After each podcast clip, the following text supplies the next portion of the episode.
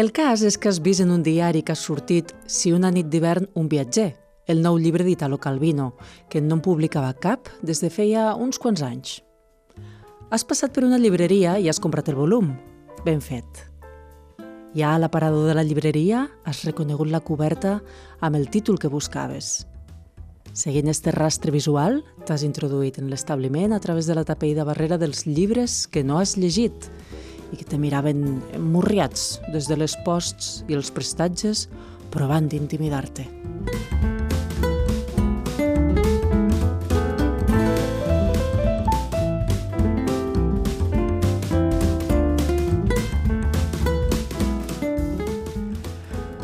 Sigueu benvingudes i benvinguts altra vegada a Tàndem. Comencem aquí un nou programa d'aquest podcast sobre literatura infantil i juvenil i mediació literària. Soc el Guillem, mediador literari, mestre, defensor de les biblioteques escolars i hobbit en potència. I m'acompanya, com sempre, la Marina, editora, lectora empadreïda i motivada de la vida. Que tens fred avui, Marina, perquè estem molt solets aquí. Avui estem molt sols perquè avui fem un episodi una miqueta diferent, fet és estrany.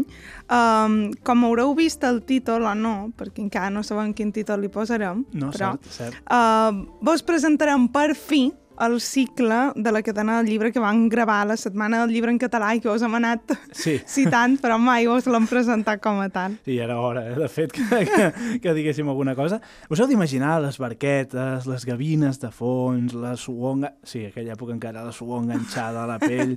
Ens ho vam passar, de fet, ens ho vam passar molt bé fent-ho, no? I teníem moltes, moltes ganes de, de compartir-ho i de poder-ho treure a la llum.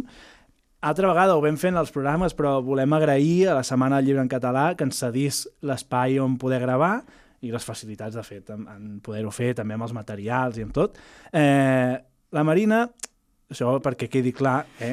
la Marina va fer un famós tinc una idea, quan ve així ja podeu començar a córrer, perquè vol dir, un, feina, i dos, temps. Per tant, són dues coses que si no teniu gaire entès, vigileu amb la, amb la Marina. Ja, però sempre m'acompanyes en les dèries i Bueno, així seguiré sempre. què, què he de fer? Si, si est- estàs contenta, doncs bueno, pues vinga, som-hi. La, la idea era que... Eh, bé, que volia fer alguna entrevista durant la Setmana del Llibre en català. I aquesta alguna entrevista es va acabar convertint en més de 10 entrevistes sobre un tema que és aquesta de la cadena del llibre del llibre. Eh, per nosaltres aquest moment va ser com important visibilitzar no? Aquest, aquesta cadena i que, quin camí eh, fa el llibre des de que es comença a pensar fins que arriba a les mans de, del qui el llegeix. No? Totalment, uh, perquè sense... És que és una cosa que ens reclamam molt, que sense la cadena del llibre no existeix la lectura, i a més aquí estem molt convençuts, i és una cosa que hem, hem intentat batallar des de Tàndem, que respectar aquesta cadena ens aporta riquesa cultural, no? I que um, visibilitzar creiem, aquesta cadena és important perquè crec que com a mínim encoratja a tenir-li respecte, no? Sí. A respectar-la. Perquè són preguntes que mos anàvem fent, no? Si sabéssim on va cada euro del que costa un llibre en total, mos atreviríem a, a seguir dient que un llibre és car. Si sabéssim que un llibre electrònic, l'únic que no estàs pagant és la impressió, i en conseqüència per això el llibre electrònic és una mica més, més econòmic, eh, els seguiríem descarregant de manera il·legal, perquè, total, és un PDF, no? uh, si sabéssim en quin fràgil equilibri conviuen totes les baules de la cadena del llibre, mos les saltaríem tan a la lleugera. Uh, si fossin conscients uh, del que costa aixecar la persiana d'una petita llibreria cada dia, seguiríem comprant llibres al gegant que tots coneixem i que no citarem. Um, si sabessin que en aquest país el preu del llibre està regulat i que, i, i que només és legal fer un 5% de descompte a excepció del llibre de, del dia de Sant Jordi, que això és un altre meló, Sí, ja, ja en parlarem un altre dia d'això. Ens atreviríem a afirmar que hem vist aquell llibre molt més barat en una altra pàgina d'internet, que això mm ha- s'ha d'aguantar molt sovint i és mentida. Uh, si sabéssim tot això, seguiríem exigint el que li exigim al sector i jo crec que tampoc no vull ser ingènua, o sigui, els miracles no existeixen, però crec que força de dir-ho i de visibilitzar certes coses, que l'harem, no? Alguna cosa, alguna cosa canviarem. Sí, no, no, i, i és veritat que et canvia la perspectiva. Al final, tu perquè t'hi dediques molt, però jo al principi de tot això, doncs, bueno, sabia el nivell usuari mig, o sigui, poc, eh, no? i en aquest sentit, saber, i després d'haver parlat amb tota gent, doncs et fa, com a mínim, tenir un, una visió, una, una mirada una mica diferent. Sí. Eh, la realitat és aquesta, que el llibre ha de passar per moltes mans perquè nosaltres com a lectors el, el podem gaudir, no? Eh, doncs això, durant la setmana llibre en català vam voler aprofitar que tothom més o menys del sector es passeja un dia o altre per, per allà, que és un lloc on un mostrari no, del sector del llibre en català, i van voler pues, això, plantejar-los i preguntes als experts, bueno, a la gent que treballa, de fet, Clar. en això, sobre del, del món de la creació literària, de la il·lustració, de l'edició, de la correcció, de la prescripció. Mireu si hi ha de feines, eh? A les llibreries i vam voler convidar a tothom qui volgués venir a parlar amb nosaltres. Sí, exacte, perquè estem convençuts i, i tot, aquí tothom estarà d'acord, no? que tot llibre comença amb una idea, sigui de qui sigui sigui, i aquesta idea s'ha d'escriure, en el cas de la literatura infantil també s'ha d'il·lustrar, un editor ha de treballar, i estaria bé que, que hi treballés no? en, en aquest llibre, uh, ha de polir el text, s'hi ha de barallar amb el seu autor o autora, un corrector i a vegades un traductor, si és un llibre en una llengua estrangera, ha de deixar el text ben a punt, també estaria bé que això passés, no? Um, un equip de disseny i de maquetació ha de convertir aquell arxiu de Word en una cosa que sigui llegible i que sigui atractiva uh, per qui se'l llegeix, no? Un impressor l'imprimirà i aquí millor si és a que nostra i no a l'altra punta del món. Um, després el llibre anirà a parar als magatzems d'una distribuïdora que s'encarregarà que tots aquests llibres uh, arribin a la llibreria. Um, així hauria de ser. No? Més o menys bé, no? Així hauria de ser. Um, no hem xerrat en cap distribuïdor no, en aquest cicle, des d'aquí um, entonam la, el, el, el nostre culpa, uh, mot sap greu, però, però sí que els hi volíem dedicar unes ratlles aquí perquè són d'aquelles feines molt invisibles mm -hmm. però que són essencials i crec que si una cosa um, ens han mostrat les notícies últimament, no? és que quan la distribuïdora no funciona tot el sector del llibre mm, tremola. Pateix, pateix, tremola pateix una mica, no? Així que... No, no, i, i el millor és això, que sembla que aquí s'acabi i no, I no, perquè clar, aquest llibre arriba a la llibreria o, i on els llibreters i llibreteres podran prescriure aquest llibre als compradors, als, compradors, bueno, als, als lectors que vagin a, a comprar el seu establiment, però és que també arribarà a les biblioteques públiques perquè pugui ser llegit per tothom i pugui ser agafat en préstec. El lector, a més a més, potser el trobarà doncs, en alguna lleixa, això que dèiem, no? del llibreter, del prescriptor de capçalera que, que trobi. Potser eh, també ho veurà recomanat en algun diari, doncs, per exemple, de l'Anna Guitar, que va venir per aquí eh, fa un temps i, de fet, va ser que la volíem entrevistar per fer el cicle, no Exacte. es va poder donar per circumstàncies de la vida i mira, al final va acabar venint aquí. Doncs aquest, la, aquesta l'agafeu eh, com, a, com, a, com a extra i, us, i la, la, feu, la poseu també dins del cicle i, i ja ho tenim. També ho trobareu a xar ressenyes a xarxes, a, a, tots, a tot de blogs, a Instagrams, a Twitter, eh, o X, o com es digui ara aquesta cosa online. Eh, fins i, i al final tu, com a lector o lectora, te l'enduràs a casa, el llegiràs i després potser llegiràs a altra gent, o el recomanaràs al altre, o als infants que conviuen amb tu, no? o el duràs a una aula si ets un mestre, o vés a saber, o el faràs eh, als teus amics i amigues perquè esteu al bar i t'ha agradat molt aquell, aquell llibre. És a dir, realment el camí és molt llarg i aquest és el camí que hem intentat reflectir en aquest en aquest cicle de, de programes. Completament, I, i res, després de tota aquesta intensitat, uh, si mos estàs escoltant, igual te demanaràs no? com pots escoltar uh, sí, aquest és una bona, cicle. És una bona cosa. Um, doncs mira, avui, en el programa d'avui ja te deixarem un tastet que pensant que és d'alta volada, o sigui, això home, és el, un bombonet. Uh, però si vols escoltar tot aquest cicle sencer, uh, l'únic que has de fer és, uh, res, subscriure't al nostre butlletí. Trobaràs el formulari per tot, el deixarem per tot, a les mhm. xarxes, a la nostra web. Uh, si no ho trobes, ens pots escriure a info.tandemlish.cat per les xarxes, el que sigui. Uh, nosaltres, segurament, a partir del gener, tenirem anirem enviant un, un, un cop al mes un nou episodi a la teva safata d'entrada. I res, que aquesta, el butlletí, tot i que l'actualitzam menys del que ens agradaria, és un espai que mos estimam molt perquè pensant que és un espai de comunicació molt més directe amb, amb la gent que Mhm. mos escolta molt menys a l'abast d'algoritmes que sempre en fan de les seves. Així que si voleu escoltar tot el cicle, eh, mos trobareu allà, a la vostra safata d'entrada. Exacte, i al final és un petit regal per aquesta gent que ha confiat en, en nosaltres. Eh, I ara sí, no, Marina? Jo crec que és el moment de deixar-los, de deixar-vos. Amb la primera entrevista que vam fer, que ens fa molta il·lusió haver-la Sí. fet, i és la primera baula de, de tot plegat, que és la, el de la creació de qui crea aquesta cosa que després acabem llegint tots, no? Eh, en trobareu algun altre en el cicle, ja, ja ho veureu, això també va dependre de les possibilitats que vam tenir en aquell moment, però, però aquí us deixem amb un nom eh, en majúscules. Una persona que és eh, bé, increïble que ens digués que sí, que volgués venir i que fes l'entrevista com la va fer. Vaja, jo... En tenir el nostre moment fan. Sí, sí, absolutament. I vam tenir públic en aquella, Sí. en aquella, en aquella entrevista, cosa que després no va ser tant, però en aquella va venir gent, imagina't. En fi, que us deixem eh, ni més ni menys que amb Roser Capdevila, la il·lustradora catalana coneguda per la creació de les fantàstiques Tres Bessones. Tàndem, amb Guillem Fargas i Marina Llompart. Benvingudes i benvinguts a Tàndem. Eh, en Tàndem en directe, Tàndem a la setmana del llibre en català. Tu, Marina, jo estic super emocionat eh, de poder fer aquest, aquest programa i aquests programes que, que ara venen. És que represa, represa total, perquè a més estem aquí a la setmana del llibre i ens acompanya una persona que hem mirat molt, que ha format part de les nostres infàncies. Uh. Ro Roser Cat de Vila, benvinguda a Tàndem. Hola, gràcies. Jo estic molt contenta, eh, Guillem i Marina, d'estar aquí amb vosaltres. Que bé.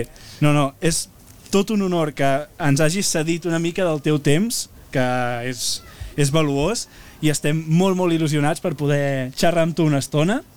Um, amb tu ens agradaria parlar no només de la teva feina i tot això, sinó del, teu, del paper i de la feina d'una il·lustradora, d'una il·lustradora i d'una creadora uh, de literatura infantil, sobretot, eh? Eh, que ens ha acompanyat i ha acompanyat a generacions i generacions durant tots aquests anys. Et sembla bé? Em sembla molt bé. Si no, ara tindríem un Sort. problema, eh? Ah, contestaré tot el que pugui. Va, Tu contesta el que vulguis. el que. Molt bé, doncs fem una pregunta fàcil. Bueno, jo dic que és fàcil i potser no ho és, eh? A veure, Quina és la feina d'una il·lustradora? uh, la feina d'una il·lustradora eh, és molt bonica. Ahà, Eh? No és una feina, no és una feina. és una disfrutada. Ah. És una disfrutada, això d'entrada. I és, eh, generalment, pot ser de moltes maneres, però generalment és basar-te en un text que et dona l'editorial o et dona un autor i tu amb aquell text i el número de pàgines que ha de tenir aquella, aquell llibre Mhm. eh, adaptar-ho i anar dibuixant el que tu tens dintre el teu cap a mida que vas llegint el text. Això és un, una feina. L'altra seria fer-te tu el text i fer-te tu els dibuixos. Per exemple, tu fas un text, taca, taca, taca, taca, i fas els dibuixets. Però arribes a un moment que dius, ai, aquest tros de text no m'agrada. Com que te l'has fet tu, te'l canvies. I llavors te l'adaptes a lo que tu veus aquí dintre. Com que tu fas tu, tu mateix vas fent el que vols, Ja diguéssim. Ahà. Eh? Po- Pot ser això. Il·lustradors poden ser il·lustradors de contes, il·lustradors de poesia, il·lustradors de, de, de cartells de, de pòsters, uh -huh. uh, poden ser il·lustradors publicitaris, poden ser il·lustradors ara, ara no, no em ve tot al cap, però un il·lustrador pot fer moltes coses. Ahà. Moltes, moltes. I lo divertit és fer-les totes, perquè n'aprens molt. Aprens molt a fer diferents estils, diferents maneres eh, materials, o que sigui aquarela, o que sigui amb posques, o que sigui amb, amb, amb d'això, amb, amb ordinador. Ahà. Eh, i, bueno, I aquí doncs et trobes amb un vano de possibilitats fantàstic.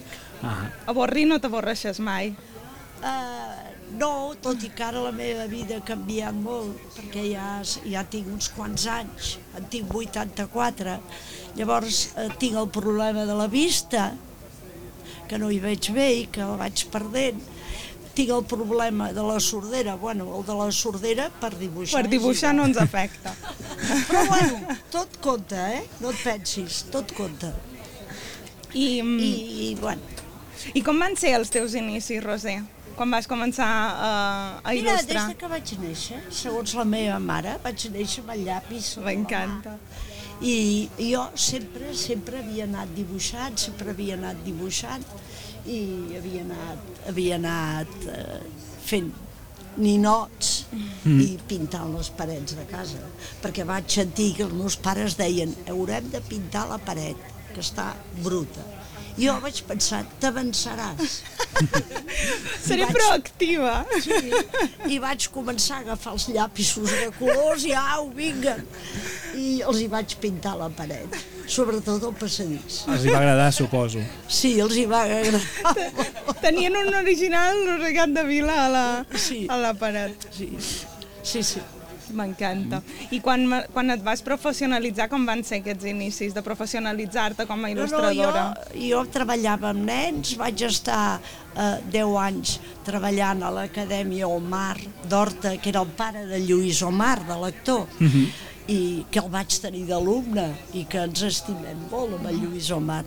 I, i bueno, vaig estar treballant amb nens, jo sempre els hi dibuixava, sempre els hi feia fer dibuixos, i un bon dia em truquen de l'editorial Teide, i em diuen, escolta, que sabem que tu dibuixes, ens podries fer una prova. Els hi vaig fer una prova que em van demanar de, del llibre de les bèsties, del Ramon Llull, mm i vaig fer un parell o tres de dibuixos i mira, els hi va agradar tant que em van fer fer llibre sencer i des d'aquell moment ja no vaig parar mai més. Que bé, que bé. Carai, tu. I fins ara? Sí. Bueno, Bueno, i ara, ara- ara sí. no. Ara, eh, professionalment, eh, es pot dir que no treballo. Mm. Jo treballo per mi, faig uns diaris, jo cada dia escric, dibuixo el que m'ha passat, dibuixat, i escrit, perquè no tot arreu arriba el dibuix, però arriben les paraules. Mm -hmm. I doncs jo faig un dibuix, avui us dibuixaré a vosaltres, Ostres, amb quin els honor. cables, T'imagines? ja els tenim tots, no, els cables? En principi està. sí, han Els arribat tenim tots. Han arribat tots. Ens ho hauran de dir ells si Atenció, s'escolta o que no. els però- tenim tots, eh?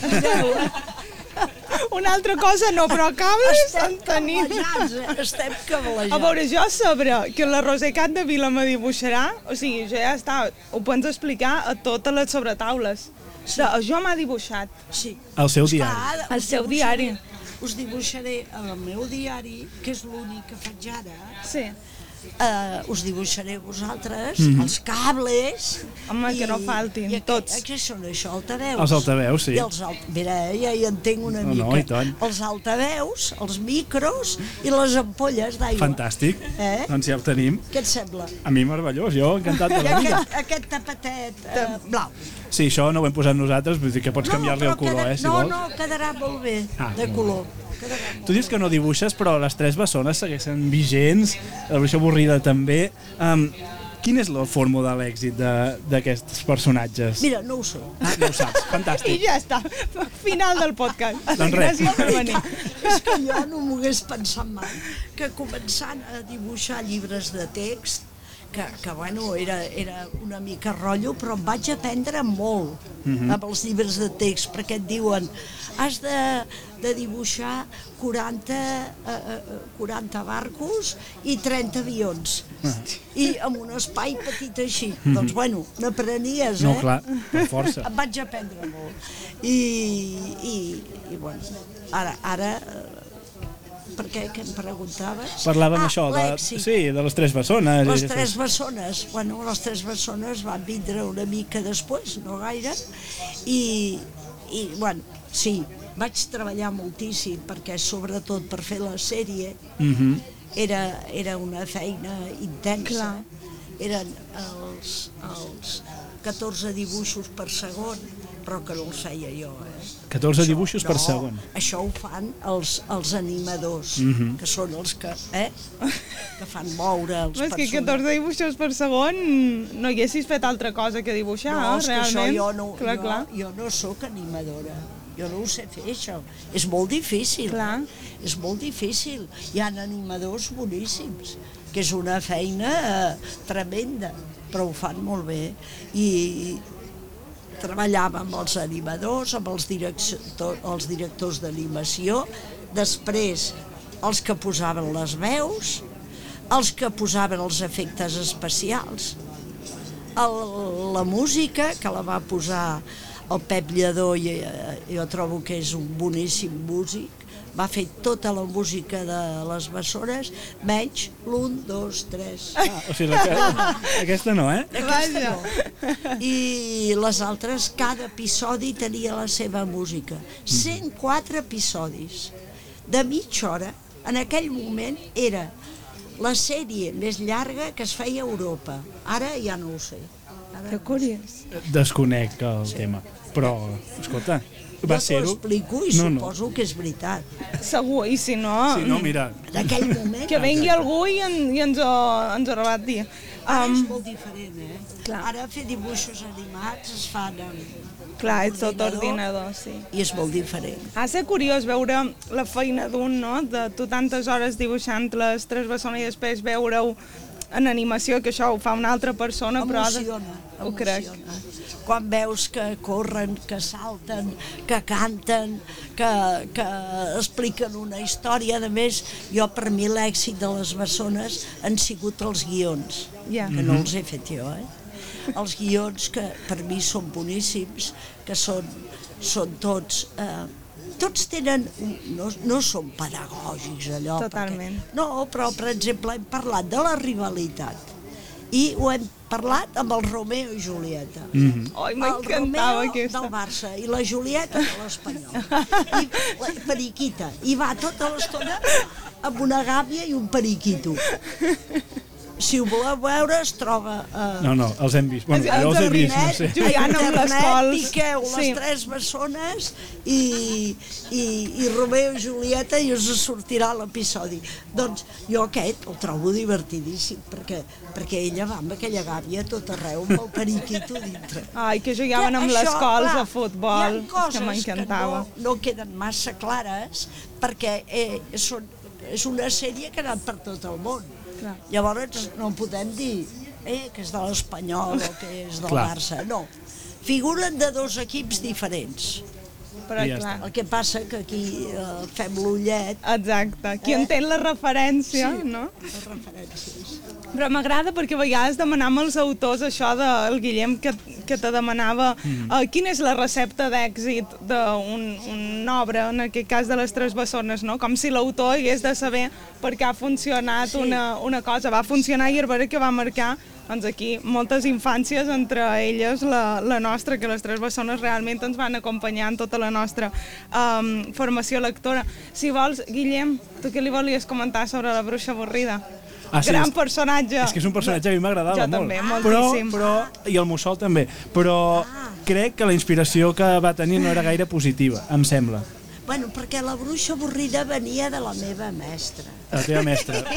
Vaja, jo sóc mestre, no sé si això m'agrada, eh? però em va la no, cosa. no, no, jo ja ho, ho dic, eh? A les escoles i així, quan he anat, sempre dic, era la meva mestra, però ara no tenen res a veure els mestres.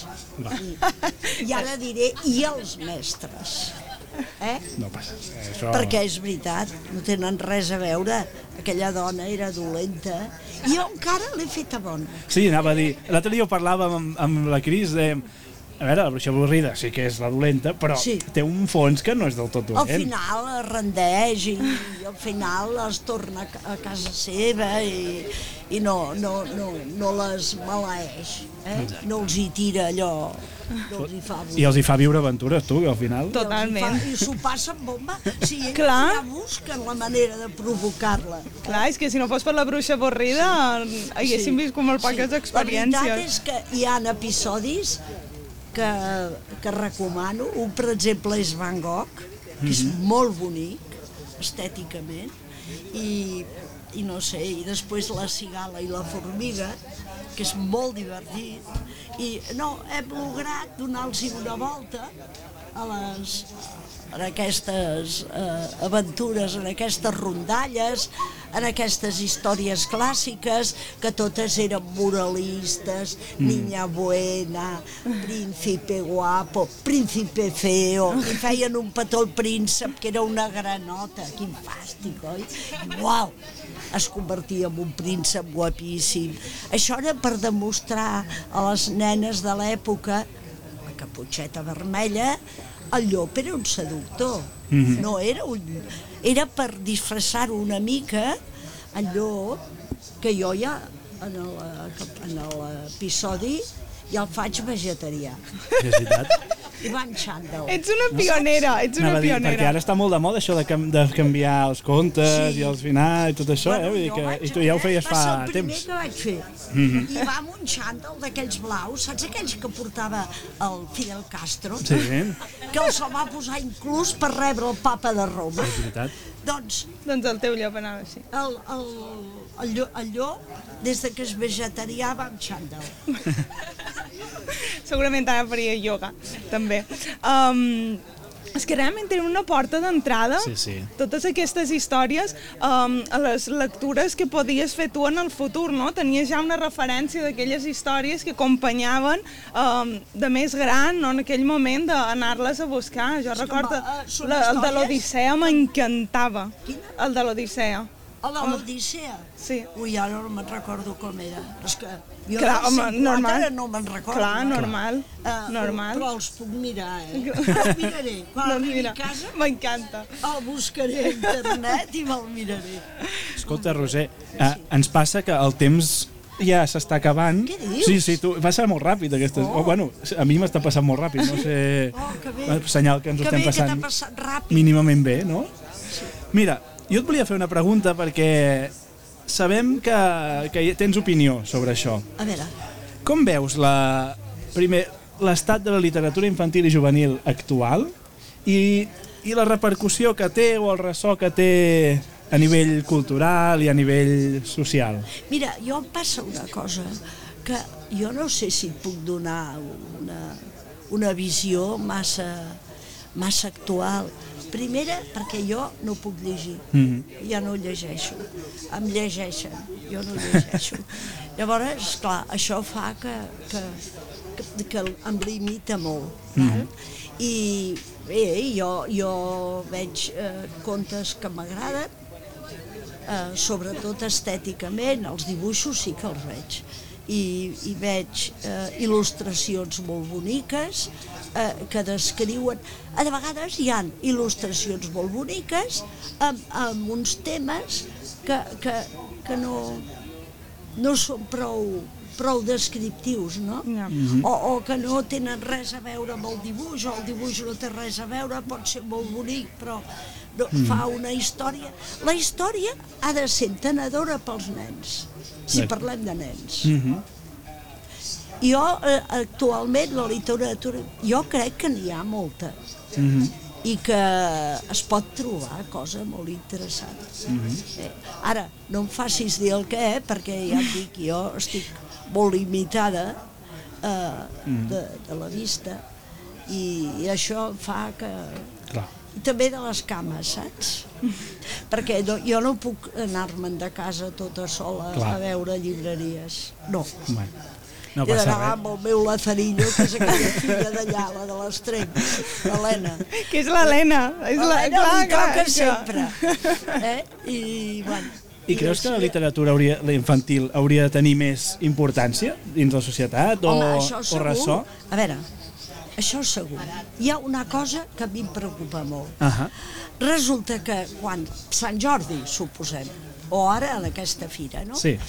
Es, es donen uns números dels llibres que s'han venut, que de, de tal, de, que després el dia de Sant Jordi es van equivocar, però bueno, van dir el dia abans, guanyarà no sé qui, i no va guanyar Ja. i va guanyar un altre. I resulta que només parlen del llibre adult i del llibre infantil Sí. no en Mhm. No parlo per res, no, no vull que facin un concurs a veure quin llibre es ven Totalment. més. No, no, no. Que es dongui més importància al llibre infantil. Perquè eh, sembla, si no, que no existeix. Mhm. Que només existeix el llibre per adults. I això és molt lleig. Sí. Això és lleig, eh? I ara veus, ara perquè tu em feies la pregunta, jo, jo he fet campanya d'això. Ahà. Me'n recordava. I um, Jo he fet campanya contra aquesta, aquesta ignorància del llibre infantil. ja has vist un canvi? Ara ho dic.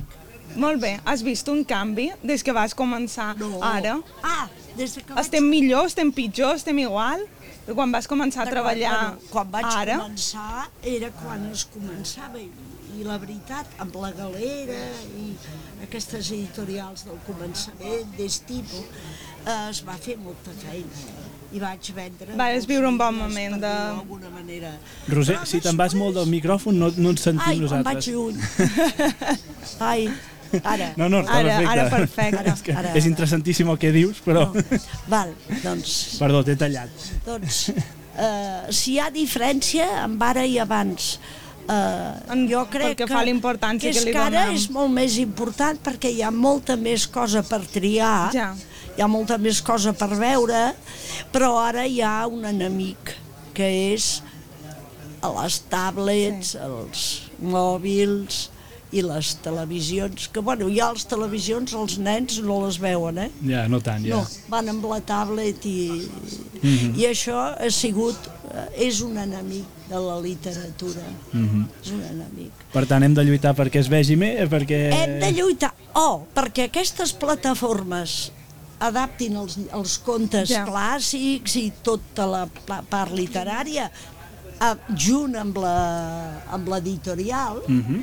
Que arribin a fer un pacte i dir, escolta'm, això ho publiquem en paper i ho publiquem amb, amb, amb, amb, amb tablet Mhm. i amb mòbil i tot això. Molt bé. Què et sembla? A mi, bueno, jo... Nosaltres aquí Tu també ho intentem sí, des de la nostra... També diré que jo em sembla que poc la puc fer, eh, però bé, jo ho Ja intento. està. Tinc, tinc dos, eh, Dos Sí, home, aliats. sí. dos aliats. Fem el que vulguis. Roser. Ens, nosaltres ens, ens sumem ràpid a aquestes coses. I vas que li faci la- l'última? L'última, sí, perquè... Um, què els hi diries a la gent, a algú que estigui pensant a dedicar-se a la il·lustració? Sempre ens agrada que els hi deixeu el, algun consell. doncs que endavant i que és difícil actualment entrar al món editorial mm. de llibres perquè hi ha moltes editorials que fan coses d'aquí, però hi ha moltes que compren llibres fets a l'estranger i que són molt bonics, però a mi m'agrada més els de quilòmetre zero, no? I eh, eh, doncs això, Clar, que hi ha menys producció i també molta més competència, no, crec? A veure, quan comencin a dibuixar, que sigui per ells. Eh? Que no pensin, eh, ara jo dibuixo perquè jo ho vendré. No, no, primer fes-ho per tu i torna-ho a fer, i torna-ho a fer, i no et cansis de fer-ho per tu. I quan ho hagis... Perquè el primer, el primer esbós de llibre segurament quedarà fet un xurro, ja t'ho dic, ja t'ho dic. Sí, perquè no hi ha experiència, no hi ha, no hi ha potser la imaginació. El més important és la imaginació. Jo sempre ho dic, el llibre es fa aquí, eh?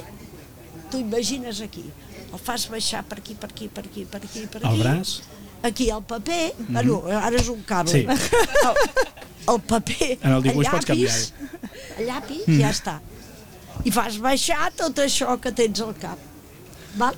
M'encanta.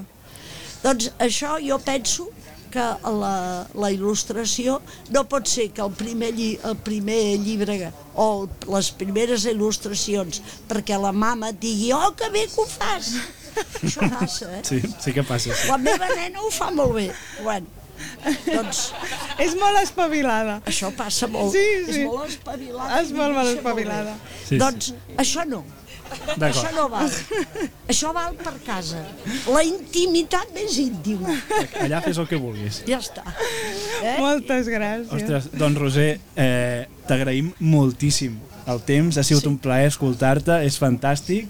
Um, res, t'agraïm també la feina que has fet durant tots aquests anys perquè ens has fet gaudir moltíssim. anys. Sí, sí, per això, per això. I, i res, que gràcies Moltes per venir gràcies. a Tàndem.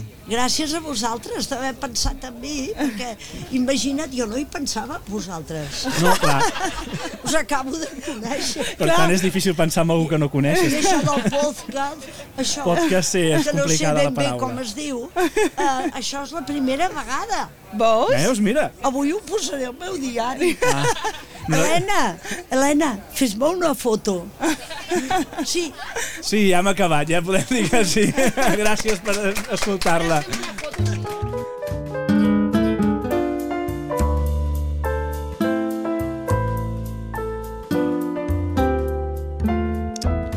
Si aquest episodi t'ha deixat amb ganes de més, en trobaràs totes les notes a tandemlish.cat. També estem a les xarxes socials com Tandemlish.